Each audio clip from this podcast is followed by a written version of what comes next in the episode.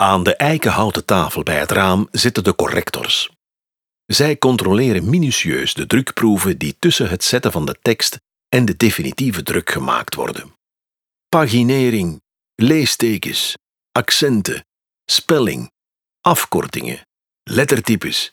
Geen enkele onjuistheid ontsnapt aan hun alziende oog. De corrector krijgt hulp van een lector. De lector leest de drukproef luidop voor terwijl de corrector de verbeteringen aanbrengt. De corrector is een geleerde.